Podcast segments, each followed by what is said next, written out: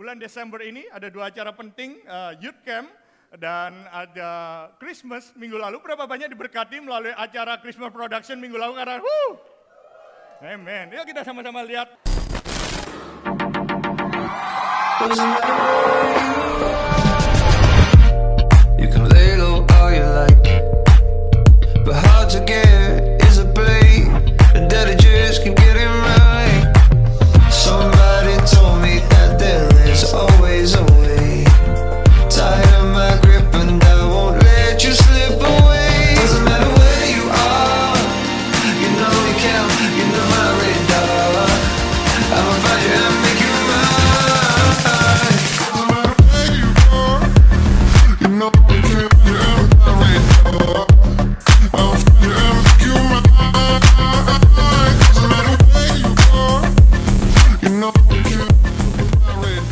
Impian kita dan bagian Tuhan Holy Spirit work within us.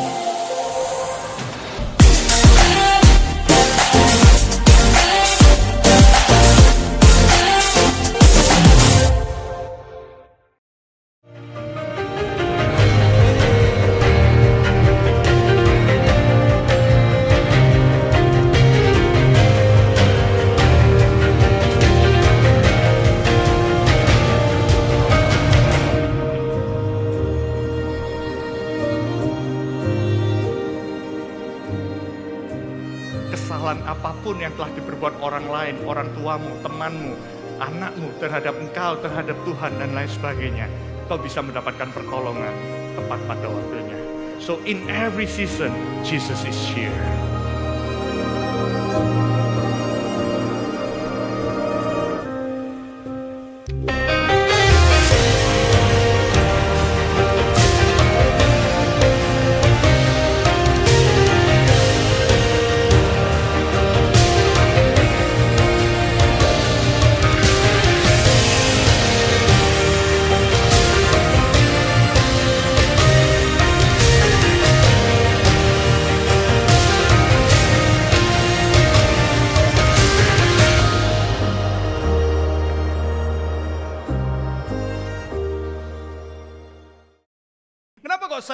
Saya putarkan di tempat ini sebelum minggu depan kita flashback apa yang Tuhan sudah lakukan sepanjang tahun ini bahkan sepanjang 10 tahun terakhir dalam kehidupan anak-anak Tuhan di tempat ini gereja DFJF Surabaya karena saya melihat uh, waktu youth camp ini this is the first time First time kita ngeladakan youth camp ya, benar ya. Uh, first time gitu. Tepuk tangan dong, kasih aplaus dong kakak-kakaknya ini. First time kita adakan youth camp.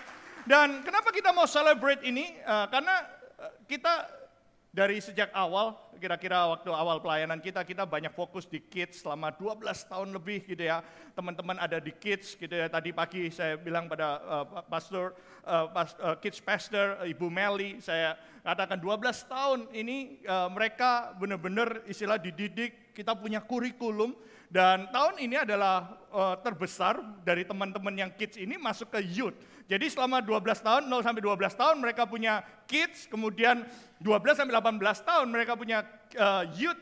Dan selama beberapa tahun ini kita udah berjalan dengan baik dan kita mau impart something dalam youth camp ini. Karena itu waktu kita bikin youth camp yang pertama ini, uh, saya percaya gitu ya, teman-teman anak-anak youth ini kita ajak ulang untuk belajar membaca firman Tuhan. Karena itu kakak-kakaknya membantu mereka dalam devotion dari pagi kakak-kakak mentor uh, pagi hari suruh membaca firman Tuhan dan dapatnya apa. Dan amazing gitu ya, mereka benar-benar dapat firman Tuhan, mereka juga have fun dalam retreat ini, mereka bisa bermain dengan baik dan malam terakhir saya katakan pada teman-teman, yuk tuliskan impian terliarmu itu apa sih? Karena saya mengalami waktu masa-masa kecil, kemudian masuk masa remaja, masuk youth ini, kita itu punya impian itu kan luar biasa ya. Kayak benar-benar sky is your limit gitu ya, benar-benar.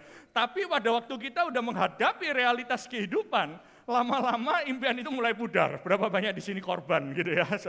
Waktu kita udah mulai kerja rasanya kita udah nggak berani bermimpi lagi. Padahal impian itu luar biasa. Dan saya bilang sama uh, teman kakak-kakak mentor pada waktu itu, ketika mereka menuliskan impian, beberapa liarnya apa pun gitu, jangan pernah diketawain. Karena kalau mereka dibully, diketawain, mereka nggak yakin bahwa Tuhan mereka sanggup melakukan hal yang besar. Makanya saya mengajak mereka, yuk tuliskan kakak-kakak cukup senyum gitu. Saya nggak ngelihat, gitu ya. Saya juga nggak ngelihat. Mereka diskusi juga di kelompoknya nggak dikumpulkan. Tapi saya percaya one day kita bisa melihat generasi demi generasi mereka benar-benar melayani Tuhan buat generasinya. Ya, saya katakan amin.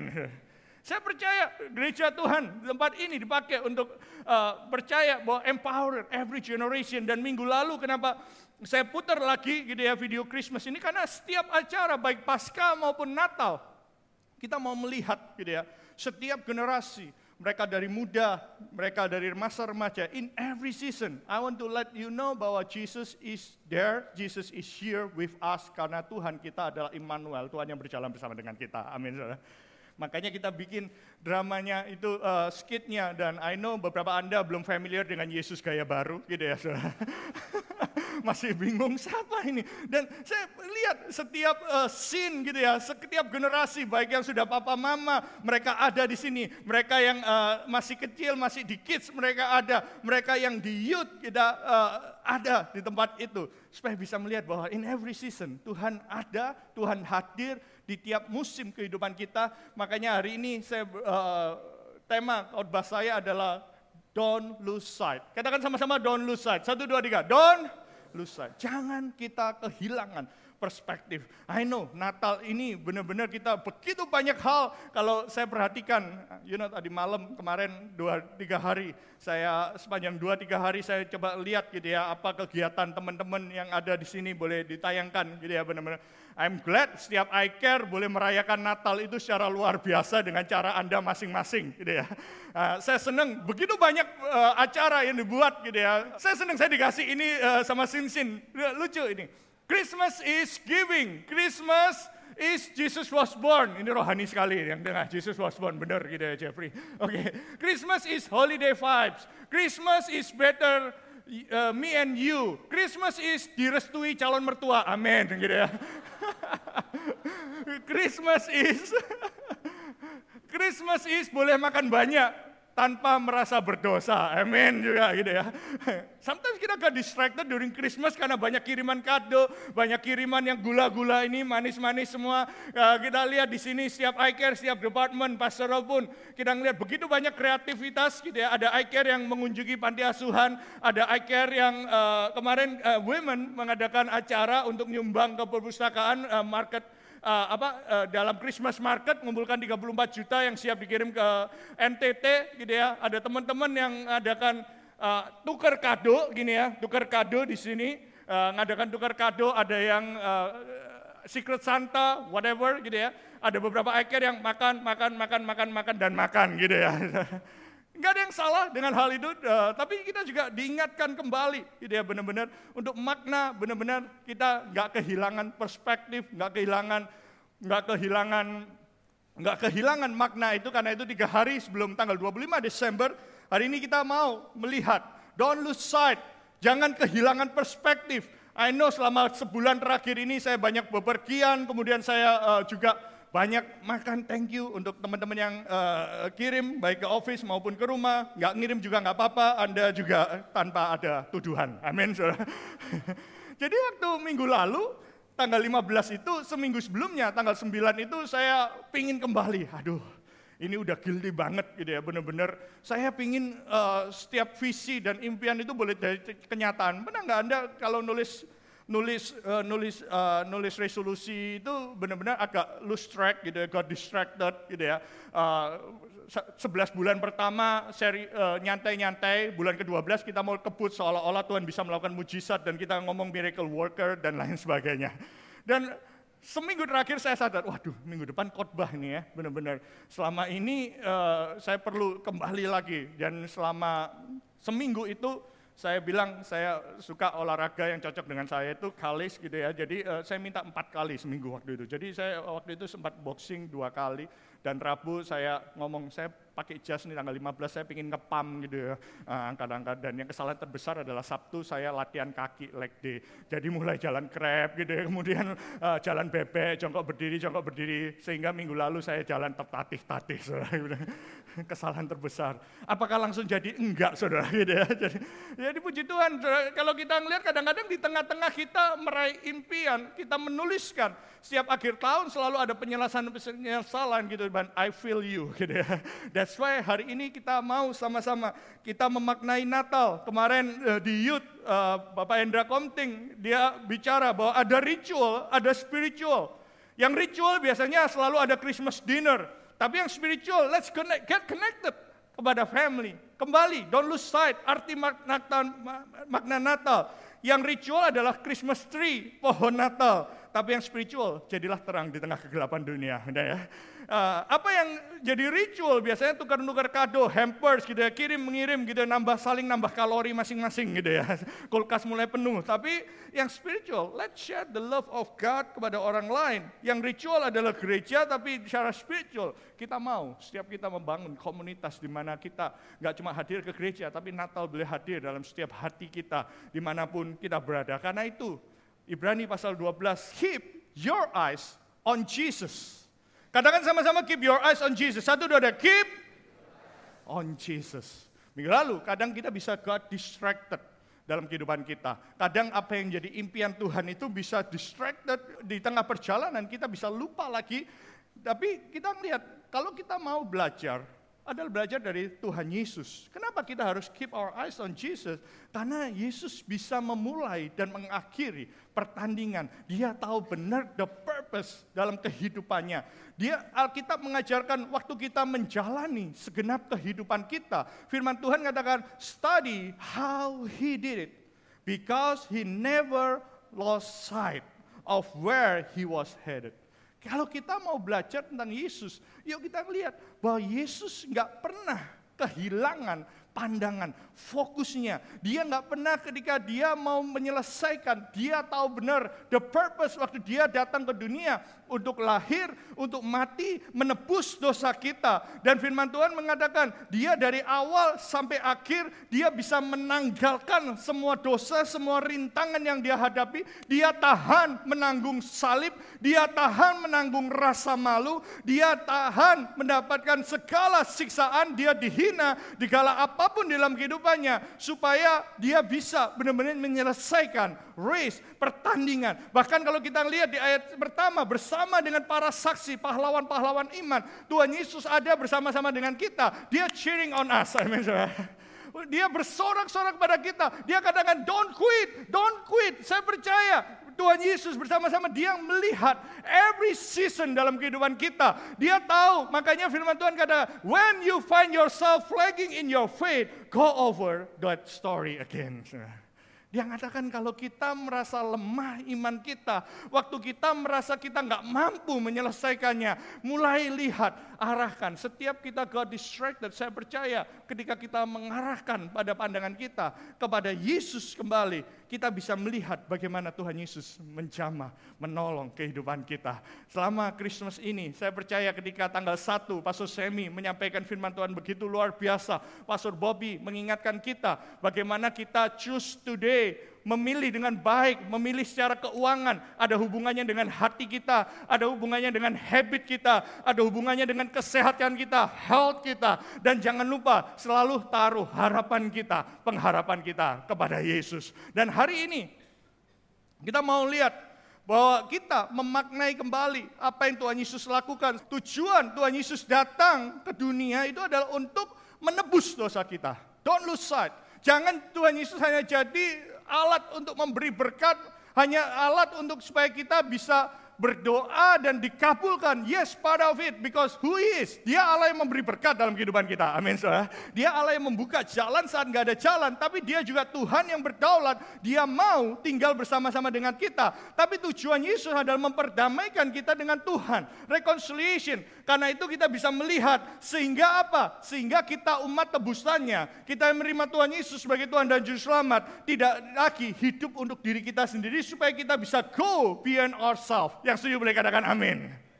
Kita bisa hidup nggak buat diri kita sendiri.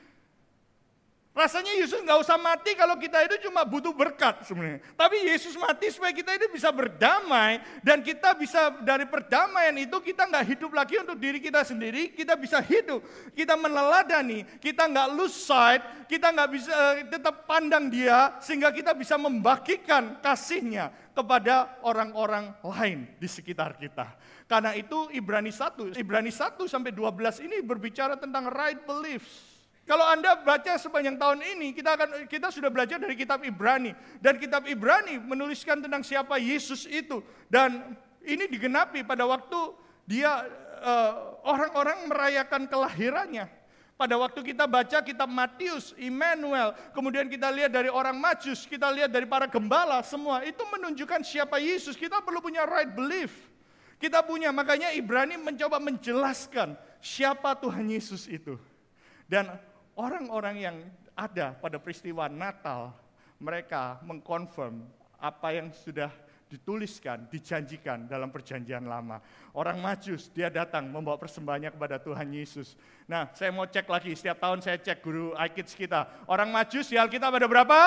Di banyak, gitu. tepuk tangan dong, berarti nggak ikut sekolah minggu. Di sekolah minggu kita, kita selalu belajar bahwa orang majus itu nggak tiga. Kalau Anda uh, sampai saat ini ngomong orang majus itu ada tiga, itu cuma ada di film-film dan di pohon Natal. Demi penghematan, gitu ya saudara. orang majus itu banyak.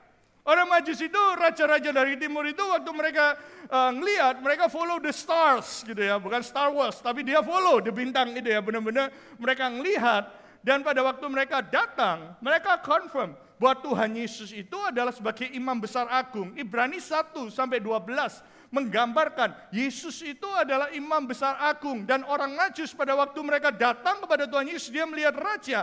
Dia confirm Tuhan Yesus sebagai imam besar agung. Makanya persembahan yang diberikan adalah dia mempersembahkan kemenyan. Karena itu adalah persembahan bagi imam besar Makanya kalau kita melihat orang Majus memberikan gold, memberikan emas. Emas menyimbolkan bahwa persembahan itu diberikan kepada raja.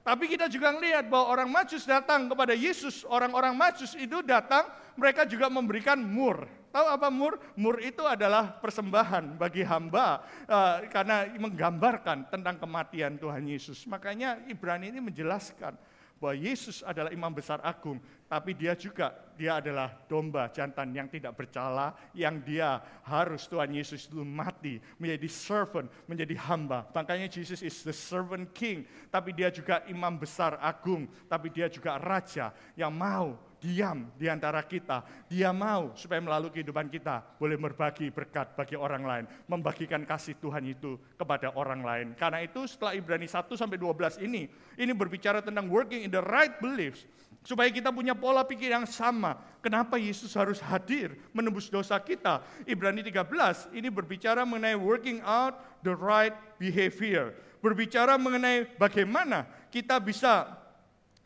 memiliki pribadi. Kita mengevaluasi. Kalau dua tiga minggu yang lalu, Pastor Bobby mengajak kita untuk melakukan check health gitu ya, kesehatan dalam keuangan kita, cek kepada habit kita, cek kepada pengharapan kita, cek kepada masalah isu dalam hati ini. Ibrani 13 mengajarkan kita untuk punya right behavior. Orang-orang menjadi tebusan Tuhan itu bagaimana mereka menjalankan kehidupannya. Saya berdoa gitu ya, setelah kita hari ini kita merayakan nanti kita uh, tanggal 24 25 kita nggak ada kebaktian di tahun ini, tapi saya mau kita mengevaluasi hidup kita.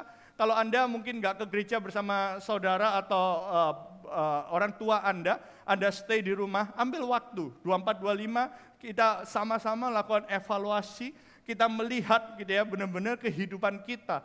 Kita melihat kembali, menata bagaimana tentang relationship. Hari ini saya mau berbicara secara khusus tentang right behavior dalam relationship kita. By the way, Anda yang merayakan Hari Ibu, selamat Hari Ibu, gitu ya. Uh, Hari Ibu Indonesia itu hari ini kita uh, biasanya merayakan International Mother's Day di bulan Mei karena biasanya Desember banyak Natal, tapi hari ini pas Hari Ibu, uh, kasih salam pada orang yang di sebelah Anda yang kelihatan seperti ibu-ibu, katakan selamat Hari Ibu, gitu ya. Oke, nah, yuk kita lihat apa yang dibahas ke kitab Ibrani ini, the right behavior. Yuk kita baca Ibrani 13. Saya ngelihat kita menutup tahun ini dengan Ibrani 13 ini. Minggu depan Pak Sosef juga akan berbicara mengakhiri year end service, service 1 dan 2 gitu ya.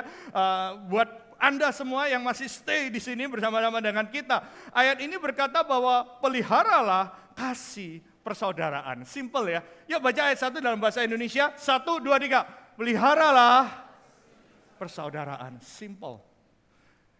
Di sini penulis kitab Ibrani berbicara mengenai untuk memelihara kasih dan persaudaraan. Penulis kitab Ibrani menuliskan dalam bahasa aslinya kata love one another ini kata kasih persaudaraan itu dari kata Philadelphia. Benar-benar dari kata persaudaraan dari kata aslinya itu artinya brotherly love. Hubungan antara saudara seiman atau rekan-rekan sekeliling kita. Nah, kata peliharalah itu dari kata meneto. Jadi kata peliharalah itu adalah keep on atau kata remain. Jadi kata peliharalah itu adalah dari kata yang uh, dari kata dasar yang akhirnya kita dengar kata monumen. Dan kata monumen ini dikatakan our love remain unshakable and immovable whatever the circumstances. Jadi dari kata peliharalah kasih persaudaraan ini, saya senang terjemahan bahasa bahasa Alkitab, the message yang sudah di rephrase sama uh, uh, the message, dia mengatakan stay on good terms.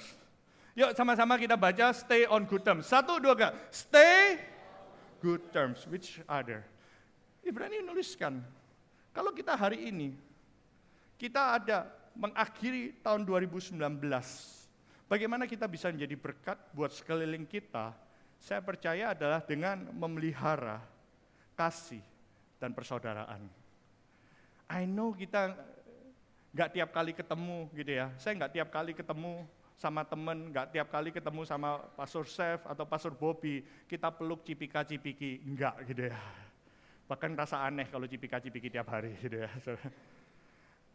I know kita nggak disuruh tiap kali ketemu orang muji-muji, wah lu orangnya gini ya, lu orangnya gini ya, kamu baik ya, kamu orangnya tambah lambat tambah kurus, itu gombal namanya. I know. Tapi you know what? Memang kita nggak disuruh tiap kali cipika-cipiki, saling muji orang, dan lain sebagainya. Tapi yang firman Tuhan Ibrani ajak adalah, setelah kita tahu the right belief, kenapa Tuhan mati bagi kita, Ibrani menuliskan, stay in on good terms. Kenapa kok saya mau mengatakan ini?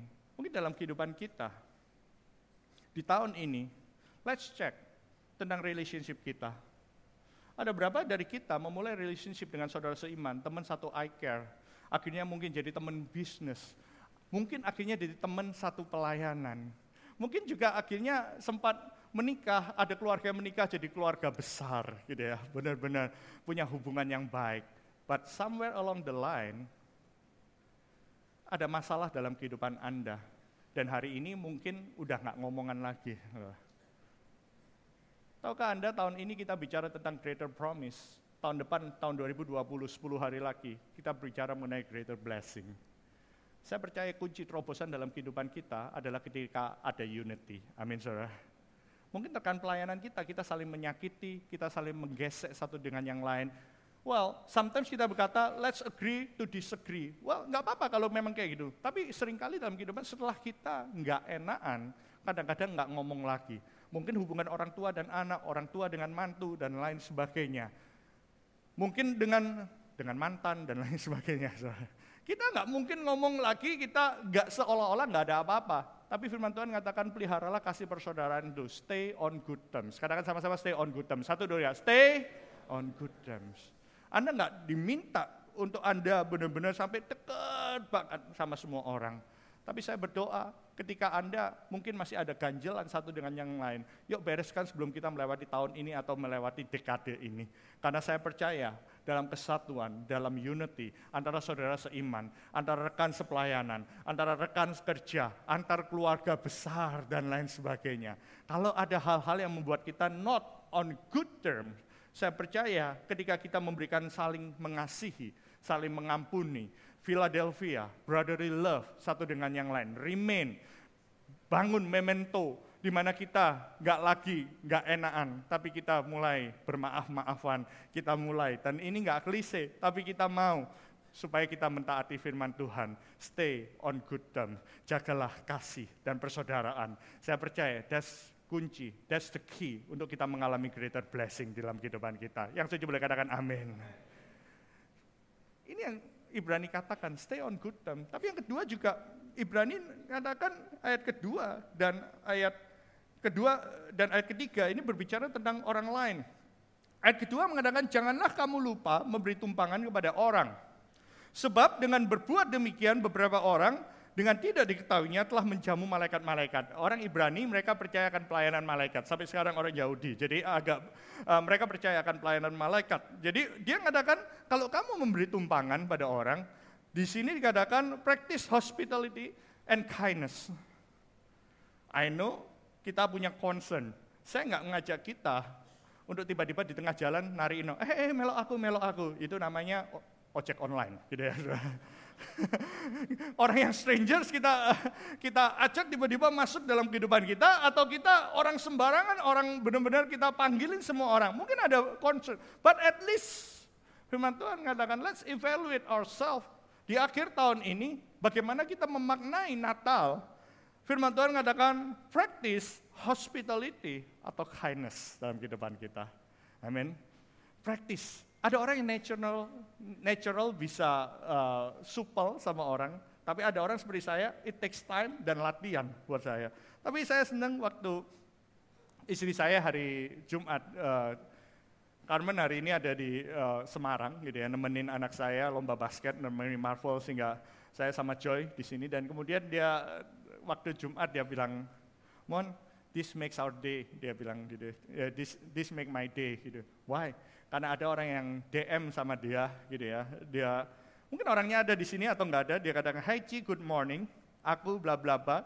Dikatakan I'm in member FGF Surabaya, tapi currently out of oh ya berarti dia nggak di sini. Nah, dia nuliskan gini, ini lima hari sebelum Christmas, saya mau kasih the word of appreciation. Dia cuma bilang gini, Cici mungkin nggak notice saya, dia tulis, tapi salah satu hari dari hari di mana saya ikut kelas forever, kelas relationship kita, saya nunggu sendirian di luar. Setiap orang kayaknya kenal satu dengan yang lainnya, dia tulis gitu. Tapi aku sendiri karena nggak kenal banyak orang. Tapi hari itu Cici memilih untuk duduk sama-sama aku dan ngobrol sama saya and talk to me that evening wasn't a big thing and sounds so ordinary, but you bless me through some ways that I myself cannot express. Can you imagine? Ikut kelas forever, yang dipuji bukan pengajarannya, belum gitu ya. Tapi yang diuji adalah bagaimana semua orang kelihatan saling kenal dengan yang lain, dan temen ini kebetulan belum banyak kenal dengan orang lain. Dan satu orang nggak cuma ngobrol, tapi duduk di sebelahnya and show kindness dalam kehidupan kita. Can we do that, church? Amen. Gak usah jauh-jauh, gak usah sampai memberi tumpangan secara random gitu ya. Tapi that's the blessing, tapi juga kita harus hati-hati. Buat gereja seperti kita, di mana akhirnya jalan, itu blessing tersendiri. Amin. Semua orang kenal satu dengan yang lainnya. Sampai kursi pun ada nama iCare masing-masing gitu. Ini iCare siapa, iCare siapa gitu. Sampai seolah-olah kita tahu, kita menyediakan tempat untuk teman iCare kita, kita lagi nunggu orang dan lain sebagainya. Tapi jangan lupa gitu ya, the dark side kita saling kenal adalah kita kadang-kadang merasa eksklusif, lupa bahwa ada orang-orang celinguan di sekitar kita. Coba lihat siapa yang celinguan di sebelah kanan, pasti nggak kenal. Udah kenal belum? But that's show kindness gitu ya. Untuk gereja yang semuanya sudah punya community gitu ya dalam kehidupan kita. Semuanya saling kenal satu dengan yang lain. Bahayanya adalah kalau ada orang terasa terasing di rumah sendiri gitu ya. Kadang-kadang saya sebagai pendeta merasa terasing, habis uh, kebaktian semua pergi dengan iCare masing-masing pendetanya bingung di bawah gitu ya. Makanya kita pendeta kita buat acara sendiri-sendiri, kalian semua nggak ada yang diajak gitu ya. so eksklusif gitu ya. Tapi itu plus and minus. But I encourage setiap kita, buat setiap kita, di mana pun kita berada, let's take a little attention. Buat beberapa dari kita perlu latihan, gitu, to show kindness, to practice hospitality.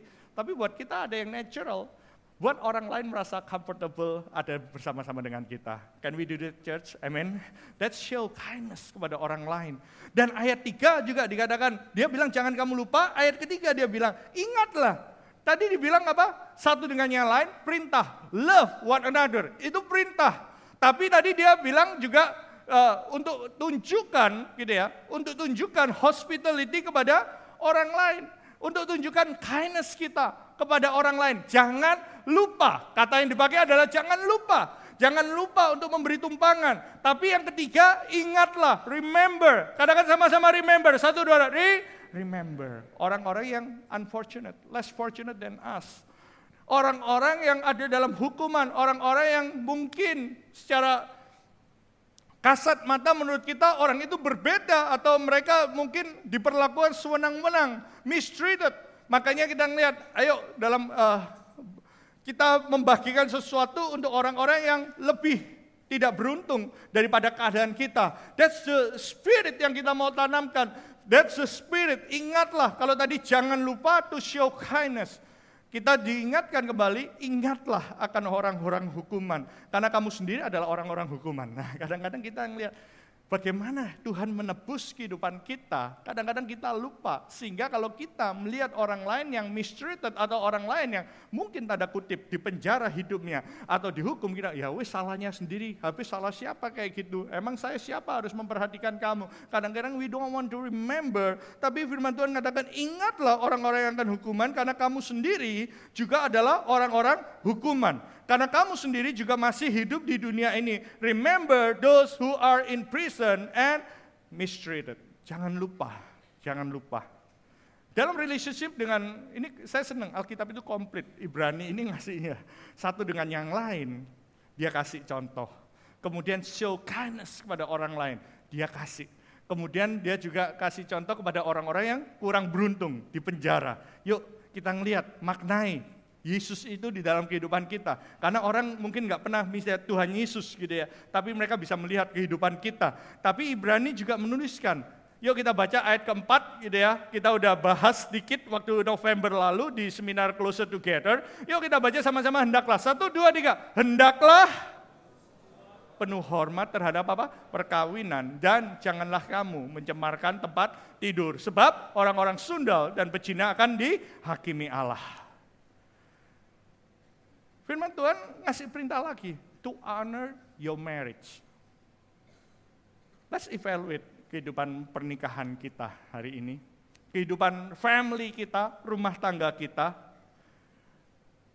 Penulis kitab Ibrani mengatakan God, the sacredness of sexual intimacy. Ini nggak berbicara mengenai kita yang sudah menikah, tapi buat Anda yang masih single, my encouragement hari ini, gitu ya, jagalah kehidupanmu waktu kamu masih single. Jauhkan diri, lari dari percabulan, lari dari pornografi, lari dari segala macam bentuk hal-hal yang perjinahan dan lain sebagainya. Let's evaluate ourselves. Kenapa? Waktu kita melakukan ini, gitu ya, kita akan honor kehidupan marriage kita di kemudian hari. Yang setuju boleh katakan amin. Amin. Saya berdoa buat Anda yang baru in relationship, yang baru masuk dalam tahap perkenalan pranika, jaga kekudusan pranika, karena firman Tuhan, honor your marriage, honor your family, honor marriage and God, the sacredness of sexual intimacy. Sexual intimacy is good thing from God in the context of marriage. Amen. Makanya, yuk, apalagi sekarang ini kita lagi liburan gini banyak waktu nganggur gitu ya. Perhatikan apa yang kita tonton gitu ya. Banyak kita mungkin nggak bisa uh, lagi nggak pergi-pergi, lagi di rumah, kita habiskan dengan nonton-nonton, perhatikan ratingnya. Jangan lihat yang RR itu rusak artinya gitu ya. itu bahasanya Pastor Bobby. Tapi kita bisa melihat. Tapi kita bisa melihat kalau kita uh, perhatikan apa yang kita lihat. Jangan sampai itu mengkontaminasi, bahkan mengganggu kehidupan merit kita di masa depan gitu ya. Honor God, the sacredness of sexual intimacy between wife and husband. God draws a firm line against casual and illicit sex. Jangan. Buat Anda yang mungkin masih saat ini, kadang-kadang ketika Anda bepergian, kadang-kadang nggak ada keluarga, nggak ada yang nemeni, nggak ada istri, nggak ada teman yang menemani, Anda maaf bicara, Anda tidak lagi menjaga kekudusan, ranjang Anda, Anda nggak menaruh hormat, tan, mungkin karena godaan dalam hidup Anda. Let's evaluate, buat suatu komitmen suami dan istri saya mau kita berdoa. Baik kita yang single baik kita yang lagi berpacaran in relationship let make a commitment bahwa kita akan menghormati kekudusan nikah dan kekudusan kehidupan seksual kita pastor terlalu berat mau Natal ngomong soal gini. Karena ini harus tahu Natal itu bicara reconciliation. Kita harus tahu bahwa Tuhan itu sangat benci, Tuhan marah terhadap dosa, tapi karena Tuhan Yesus dia reconcile us kepada Bapa kembali. Tapi apa yang kita lakukan untuk kita bisa menyenangkan hati Tuhan? Setelah Tuhan menebus hidup kita, let's share our love kepada orang lain. Let's do it together. Amen. Makanya kita bisa lihat, yuk kita lihat. Nah, 1 sampai 4 bicara tentang love one another, perintah. Dia bilang don't forget to be kind to strangers. Jangan lupa untuk Anda ramah, show kindness, show hospitality kepada orang-orang yang asing dalam kehidupan kita. Dia ayat ini mengajak kita untuk berempati kepada orang-orang yang terpenjara atau yang diperlakukan sewenang-wenang. Ayat ini juga berbicara untuk honor your marriage and family. Let's do evaluation. Mungkin tiga minggu yang lalu kita diajar untuk kita mengevaluasi kehidupan keuangan kita. Ayo kita sama-sama di menjelang akhir tahun ini kita mengevaluasi kehidupan kasih persaudaraan kita love, kindness, empathy, dan juga kita untuk honor kehidupan pranikah, post married gitu ya, setelah menikah bahkan masih dalam relationship sehingga kita bisa menikmati seutuhnya the greater blessing yang Tuhan sediakan bagi setiap kehidupan kita. Nah ayat 5 kembali lagi berbicara, ini yang kita bicarakan tiga minggu yang lalu tentang contentment. Katakan sama-sama contentment, satu dua ya. Contentment. Janganlah kamu menjadi hamba uang dan cukupkanlah dirimu dengan apa yang ada kepadamu karena dia telah berfirman, aku sekali-kali tidak membiarkan engkau dan aku sekali lagi tidak akan meninggalkan engkau. Impian harus besar, tapi waktu budgeting cukupkan dengan apa yang ada. Amin. Ini kesalahan orang-orang impian kecil gitu ya, budgeting impinya besar gitu ya, beli yang nggak perlu-perlu gitu ya. The key is contentment. Ayat 6, sebab itu dengan yakin kita dapat berkata, Tuhan adalah penolongku. Contentment bicara bahwa Tuhan adalah sumber kehidupan kita. Aku tidak akan takut apakah yang dapat dilakukan manusia terhadap aku. Ini bicara mengenai contentment. Sumber harapan kita adalah pada Tuhan. Insecurity, you know, sometimes kenapa kok kita nggak bisa content dalam kehidupan kita, nggak ada contentment dalam kehidupan kita? Karena ada insecurity. Dan insecurity itu bisa lead kita, memimpin kita pada the love of money. Whether we are rich or poor, gak peduli kaya atau miskin. Kalau kita insecure, apalagi musim-musim liburan, kita tetap di Surabaya, di sosial media, kita ngelihat orang yang liburan gak habis, habis. Kita ngelihat orang, thank you hampernya, thank you kuenya, thank you, thank you. Makanya saya juga nggak ngepost orang yang ngasih, kecuali memang lagi mood pengen ngepost gitu.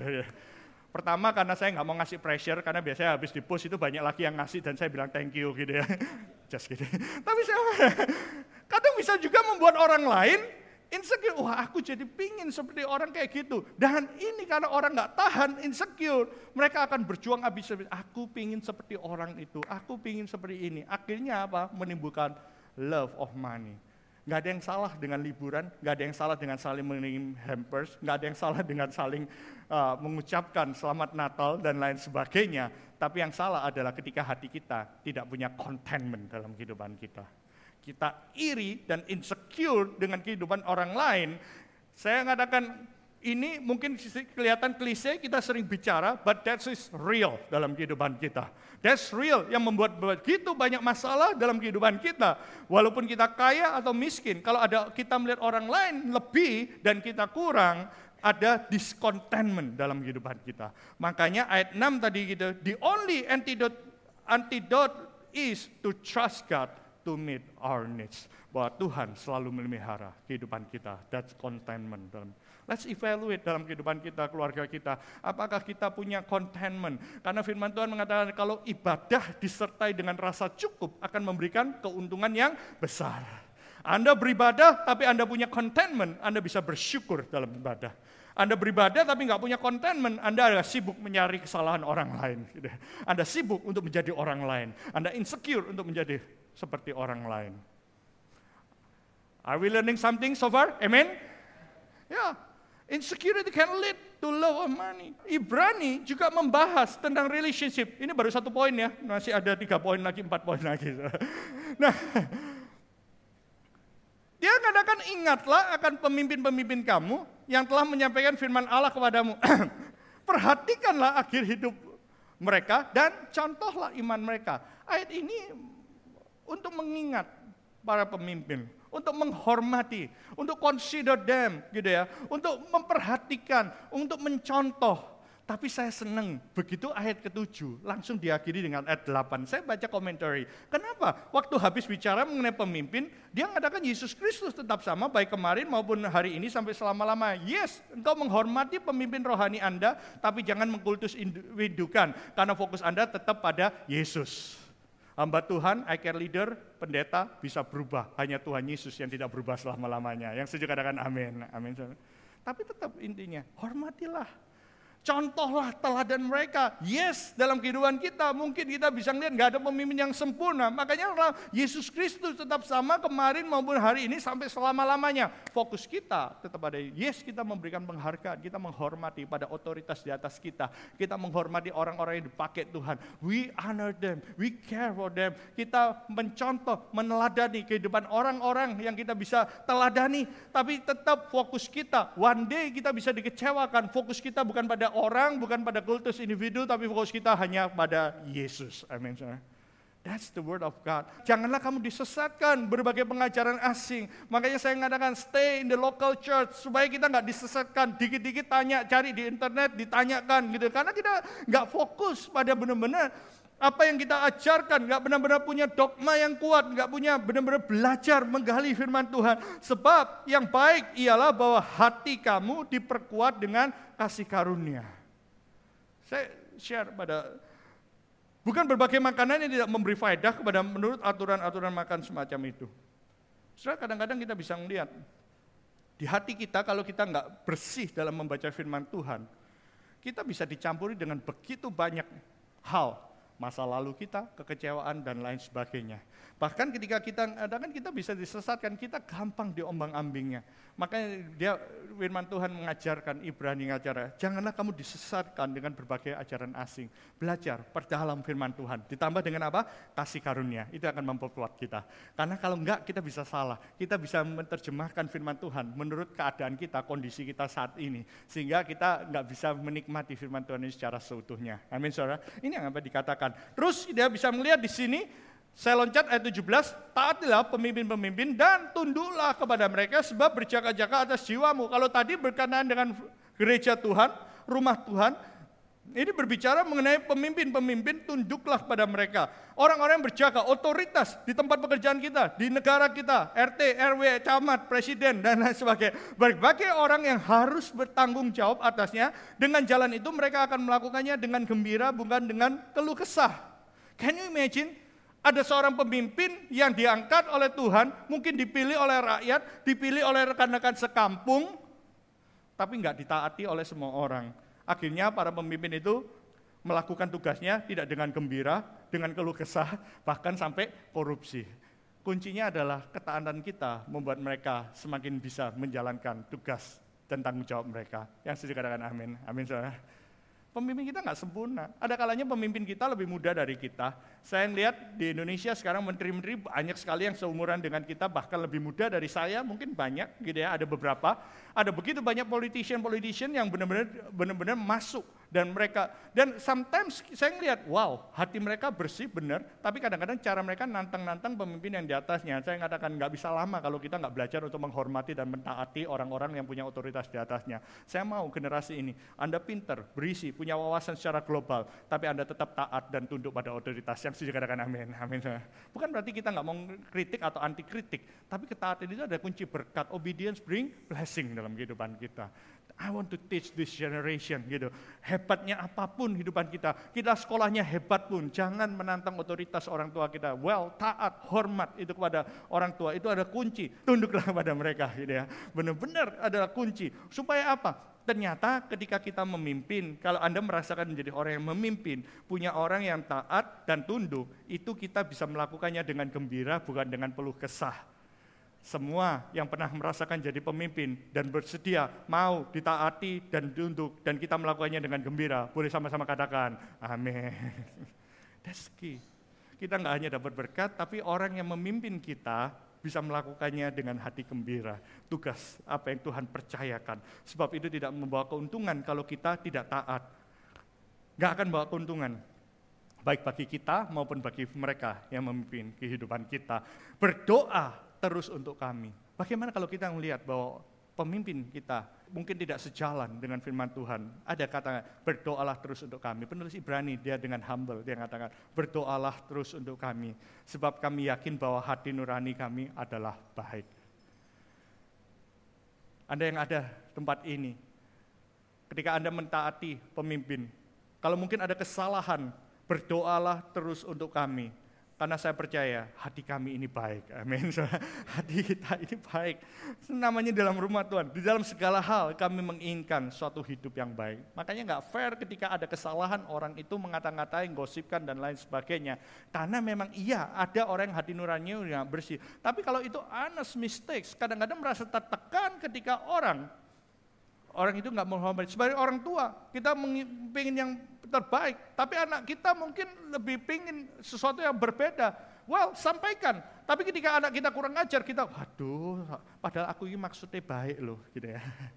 Tapi kita nggak bisa mendapatkan penghargaan. Makanya kuncinya adalah berdoalah terus untuk kami. Ini perkataan kita sebagai pemimpin. Berdoalah terus. We need your prayers. Amen. We need your prayers. Honor, care, obey, and imitate those God has put over you to lead you. Itu yang Ibrani mengatakan, kita udah selesaikan Ibrani pasal 13 ini sampai ayat ke-17 so far.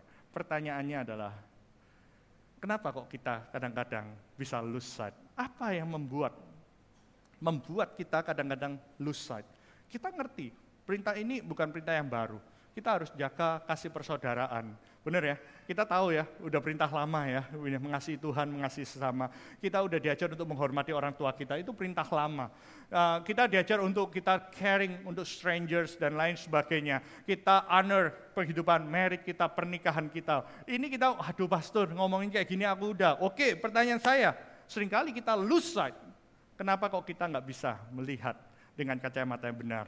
Saya senang kita hari ini belajar karena Tuhan Yesus pernah berbicara dari Matius 7 ayat 3. Yuk kita bisa melihat masalahnya adalah sering kali kita punya penghakiman judgment sendiri dalam kehidupan kita.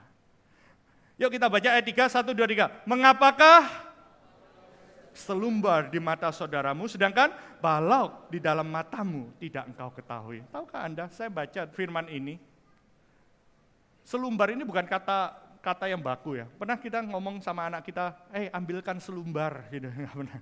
Selumbar kertas, bukan juga itu selembar. Tapi kita bisa selumbar gitu ya. Saya ngelihat sampai di kamus, selumbar itu apa sih? Selumbar itu ternyata serpihan. Serpihan gergaji. Kecil nggak? Kecil. Dibandingkan balok, selumbar, atau juga apa? Selundupan. Telusupan ya kalau selundupan itu Harley, Brompton itu selundupan. Telusupan. ya nggak ngerti nggak apa-apa, katakan amin aja. nah, kalau kita telusupan itu sekecil selumbar aja itu bisa sakit kan gitu ya. Nah gara-gara selumbar kita ini benar-benar selumbar itu kelilipan itu karena ada selumbar. Mungkin ada saya itu sering kelilipan gitu ya karena alis saya tebel, bulu mata saya lentik, enggak gitu. nah, masih ingat masa kecil ketika kita uh, kelilipan, saya ngomong sama kakak saya atau adik saya, kakak saya Olivia, adik saya, saya ada cici, uh, mata saya kelilipan gitu ya. Waktu kelilipan apa? Langsung disepul, fuh, kayak gitu ya.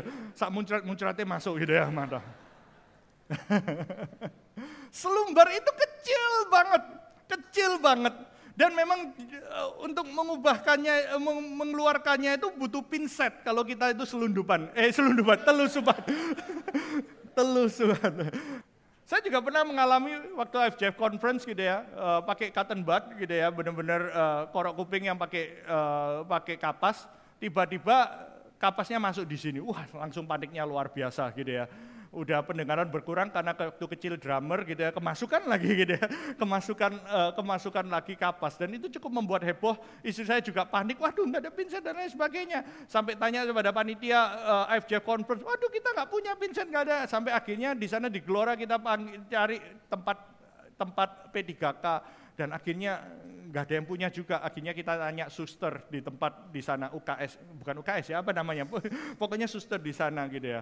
Dan oke, okay, saya punya pinset, mari ambil. Ini bukan selumbar, tapi kapas gitu ya. Dan habis itu kapas kemudian oke okay, kita lakukan di sini di mana nggak ada tempat ruangan akhirnya diambil dan akhirnya semua panitia tahu bahwa ada kapas masuk dalam kupingnya Pastor Raymond. Kadang-kadang itu kita ahli melihat selumbar orang, ya? Kita gampang ngomong sama orang itu, saya melakukan gini, saya memang kasar, tapi maksudku kan baik. Kita ngejudge orang dari, ngejudge diri kita dari intention, dari maksud. Tapi kita ngejudge orang lain dari apa? Action mereka. Ini yang Tuhan Yesus katakan, kenapa kok selumbar di mata orang, kita bisa ngelihat. Kita itu ahli dalam membenarkan orang lain. Kamu harus ini, gini, gini. Tapi balok di mata kita kita itu sering kali nggak lihat, benar ya?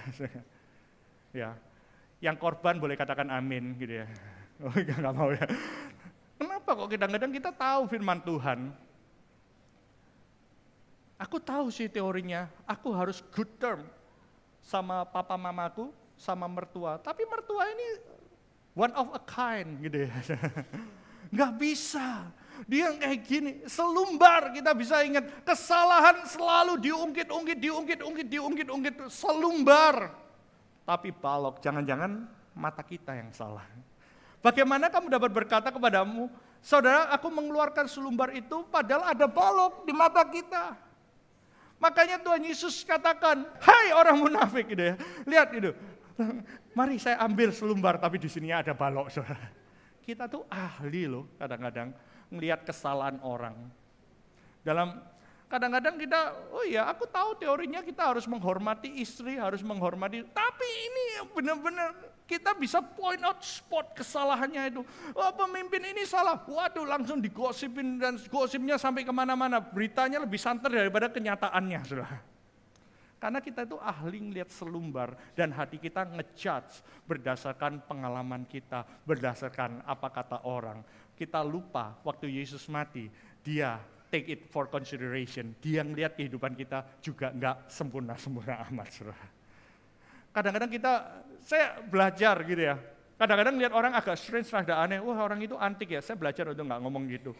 Kita mulai belajar, oh iya mungkin cara dibesarkannya beda dengan kita. Dia mengalami banyak kepahitan dalam kehidupannya. Kita bisa melihat dengan cara Yesus melihat, kita nggak lose our sight. Yuk tahun yang baru, atau 10 hari mendatang, let's evaluate apakah kita itu ahli dengan alasan apa pun. Saya sama sama istri saya sering sering sering berantem gara-gara kita punya perfeksionis masing-masing. Maaf bicara OCD masing-masing. Dia punya OCD sendiri, saya punya OCD. Dia sangat detail, saya sangat global dan lain sebagainya. Kadang-kadang saking capeknya, aku juga OCD sama OCD-mu. Aku OCD lihat OCD. Kadang-kadang ngomongnya gampang, tapi waktu kita di spot ini loh salah, ini salah buat saya. Gak masalah buat dia masalah, buat dia gak masalah, buat saya masalah. Tapi kita jago melihat selumbarnya orang, kadang-kadang kita nggak menyadari, eh jangan-jangan Tuhan itu harus bekerja dalam diriku, ada area di mana aku mengalami hal yang sama. Hanya karena di tempat lain mungkin ada pemimpin yang mengkhianati, ada yang betray kehidupan kita, ada yang bersalah sama kita. Kita ngelihat semua pemimpin, ah semua pemimpin sama aja, nggak ada yang tulus, semua juga kayak gini semua. Hanya karena kita punya pengalaman pahit di masa lalu. Balok itu harus dikeluarkan. Hai orang munafik, keluarkanlah dahulu balok di matamu, maka engkau dapat melihat dengan jelas. Kadang waktu kita melihat apa pun gereja, kita ngelihat ngejudge orang lain. Kadang-kadang kita bisa melihat ngejudge, oh orang ini kayak gini, orang ini kayak gini. Bahkan kadang-kadang kita membaca firman Tuhan, orang sharing tentang berkat, kita, wah orang ini teologi keberkatan, selalu sudut pandangnya berkat. Padahal Tuhan memang Tuhan yang memberi berkat. Yang setuju katakan amin, amin saudara. Tuhan memang Allah yang memberi berkat. Tapi setiap kali orang ngomong berkat, wah oh, ini teologi kemakmuran. Teologi kemakmuran apa teologi ya? Waktu baca Alkitab Anda tahu bahwa Anda punya dogma teologi itu penting. Tapi jangan sampai teologi kita dibatasi hanya karena kita punya balok. Jangan-jangan teologiamu adalah teologi iri hati. Yang lain ditolong kok saya belum gitu. Kadang-kadang kita iri sampai kita ngejudge orang begitu rupa. Waktu kita baca firman Tuhan, kita dengar khotbah orang, kadang-kadang kita sibuk mencari kesalahan orang lain, mencari kesalahan leader kita, mencari kesalahan orang tua kita, sehingga kita nggak punya kesempatan untuk bisa menerima berkat Tuhan seutuhnya melalui kehidupan orang lain sekitar kita. Let's do it together. Kita ahli bukan untuk melihat selumbar orang, tapi kita ahli untuk membersihkan hati kita. Yang setuju katakan amin. Kita menjadi ahli, bisa melihat dengan jelas. Saya mau katakan di sini, selidiki hati dan mata kita. Saya undang pemain musik untuk sama-sama di sini kita akan selidiki hati dan mata kita. Keluarkan balok. Tahukah Anda firman Tuhan katakan, jauh waktu kita masih dalam berbuat dosa, Yesus sudah mati bagi kita. Dia tahu bagaimana kita dibesarkan, dia tahu kenapa kita kepahitan, dia tahu dosa yang akan kita lakukan. Tapi yet dia mau mati untuk kita. Tapi kita hari ini hanya gara-gara selumbar kita not in the good term sama orang lain. Hanya karena masalah sedikit, hanya karena masalah selumbar, orang lain buat kesalahan dalam kehidupan kita. Seumur hidup kita simpen di dalam hati kita, balok di mata kita. Padahal ketika Tuhan mengatakan bahwa Christ in you, waktu Tuhan itu ada di hati kita, slide berikutnya, kita itu bisa melihat bahwa orang lain Kristus yang ada di tengah kamu. Kristus adalah pengharapan dan kemuliaan. Dunia nggak bisa melihat terang itu. Dunia mungkin nggak bisa melihat Yesus secara fisik. Tapi dunia bisa melihat bahwa Christ in you. Kristus yang ada di tengah kamu. Kristus yang adalah pengharapan dan kemuliaan. Ayat 28 berbicara mengenai dialah yang kami beritakan. Yesus yang kami beritakan. Apabila tiap orang kami nasihat dan setiap orang kami ajari dengan segala hikmat untuk memimpin tiap-tiap orang pada kesempurnaan. Let's do it. Let's get mature dalam kehidupan kita. Bahwa Kristus di dalam kita bisa dirasakan orang-orang sekitar kita. Satu hari ada seorang host, dia mengundang tamu. Dan waktu dia mengundang, dia bawa, dia makan. Dan kemudian setelah setelah makan, diajak dia ke tempat tinggalnya. Dikasih hotel bintang 5, dikasih hotel bintang 5. Tapi waktu di parkiran dia bilang, ini hotel bintang 5. Tapi kok parkirannya bau terasi ya, nggak enak banget. Hah, masa sih? Enggak kok, oke. Kemudian masuk lobbynya. Tuh kan, nggak bersih. Hotelnya sih bintang 5, bagus. Tapi bersihnya nggak bagus. Lobbynya bau terasi, dia bilang. Dia naik lagi ke ruang makan lantai dua. Waktu dia melihat semuanya. Tuh kan, ruang makannya juga bau terasi dan lain sebagainya.